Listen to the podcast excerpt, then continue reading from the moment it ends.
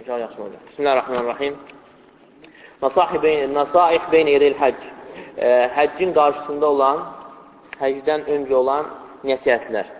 Və hədihi nasaih uqadimə ilə ixvanlə hüccər beyn yedil həcc. Həcdən öncə e, qardaşlarımız həcclər üçün e, faydaları, bu nəsiyyətləri təqdim edirəm. Bunlardan birincisi, aləl həcc ən yəftəqiyə rabbəhu.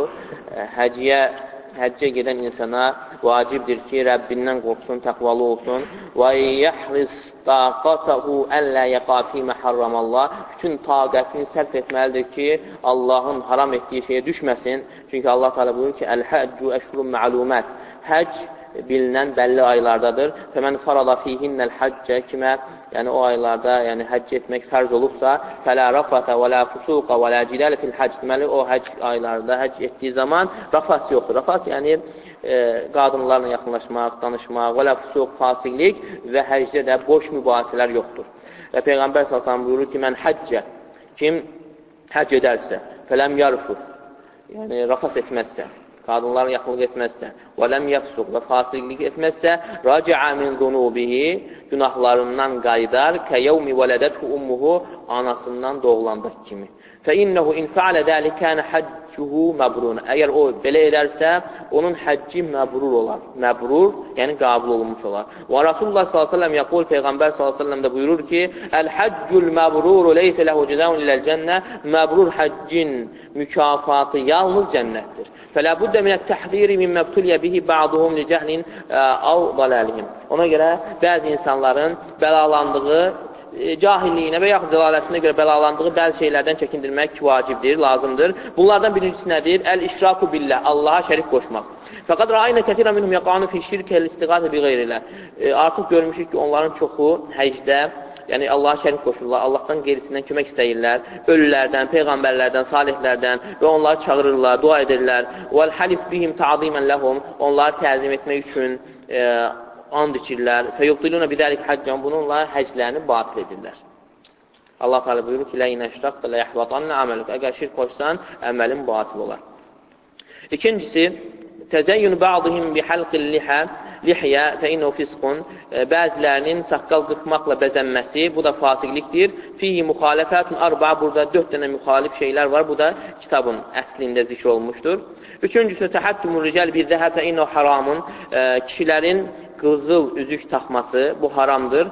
Lə siyyəmə məkənə minhu minən növ'əlləzi yüsəmməl yevm xatəmül xitbə və bunun haramlığı daha da şiddətlənir, xüsusən də bu nişan üzüyü olarsa, fə innə fi aydan təşəbbuhan bin nəsara və burada həmçinin nasranilərə, xaşpərəstlərə oxşarlıq vardır.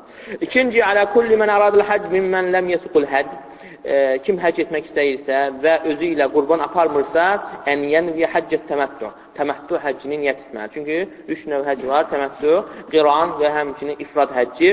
E, nəyə görə təməttü həccini niyyət etməlidir? Li əmri Nəbi salsan, Peyğəmbər salsan əmrinə, öz sahabələrinə, əmrinə görə axırıncı əmrinə görə və li ghadabi ala ashabihi allazina lam yubadu ila imsal amrihi bi fasl hajj ila al-umra ə, yəni Peyğəmbər s.ə.v sahabələrinə qəzəblənməsinə görə. Qəzəblənmişdir ki, nəyə görə? Onlar yəni, həccini pozaraq ümrəyə keçmirlər, yəni təməttü həccini keçmədiklərinə görə. Yəni, bu da nəyi bildirir? Hətta Şeyh Alban gətirir ki, vacibliyini bildirir təməttü həccinin. Dəxalətül umratu fil həcci ilə yevmil qiyamə. Yəni, ümrə həccə daxil olmuşdur qiyamət gününə qədər. Yəni, həclə ümrə bir yerdə nə adlanır? Təməttü həcci adlanır. Və ləmmə qalləhu ba'du sahabə, nə vaxt on, sahabələrin biri Peyğəmbər s.ə.v dedi ki, Ərayətə mütəmətti'ənə təməttü'ənə hədihi li'aminə hədə əmli əbəd yəni, nə deyirsən, bizim bu təməttü həccimiz bu ilimiz üçündür, yoxsa əbədidir, həmşəlik üçündür. Peyğəmbər s.ə.v barmaqlarını bir-birinə keçirdi Və qal dedi ki, dəxələtil umratu fil həcc ilə yevmil qiyamə, həcc ümrəyə daxil olmuşdur qiyamət gününə qədər. Lə bu e, lə bəlli əbədin əbəd. Xeyr, ə, e, həmişəlik, həmişəlik. Lə bəlli əbədin əbəd. Min əcli dəlikə əmrə sasam əs-seyyidə Fatimə və əzvacəhu radiyallahu anhuə cəmiyyən bittəhəllül bə'də umrətil həcc. ولذلك كان İbn Abbas yəqul və Peyğəmbər sallallahu əleyhi Fatiməyə də və həmçində zövcələrinə də, yəni təməttü həccini etməyi buyurmuşdur. E, İbn Abbas radiyallahu deyir ki, "Mən tafə bil beyt fəqad həll." Yəni kim evi tavaf edərsə artıq çıxmışdır. Sünnətü nəbiyyukum və in rəğimtum. E, o e, yəni Peyğəmbərimizin sünnətidir, e, hətta istəməsəniz də.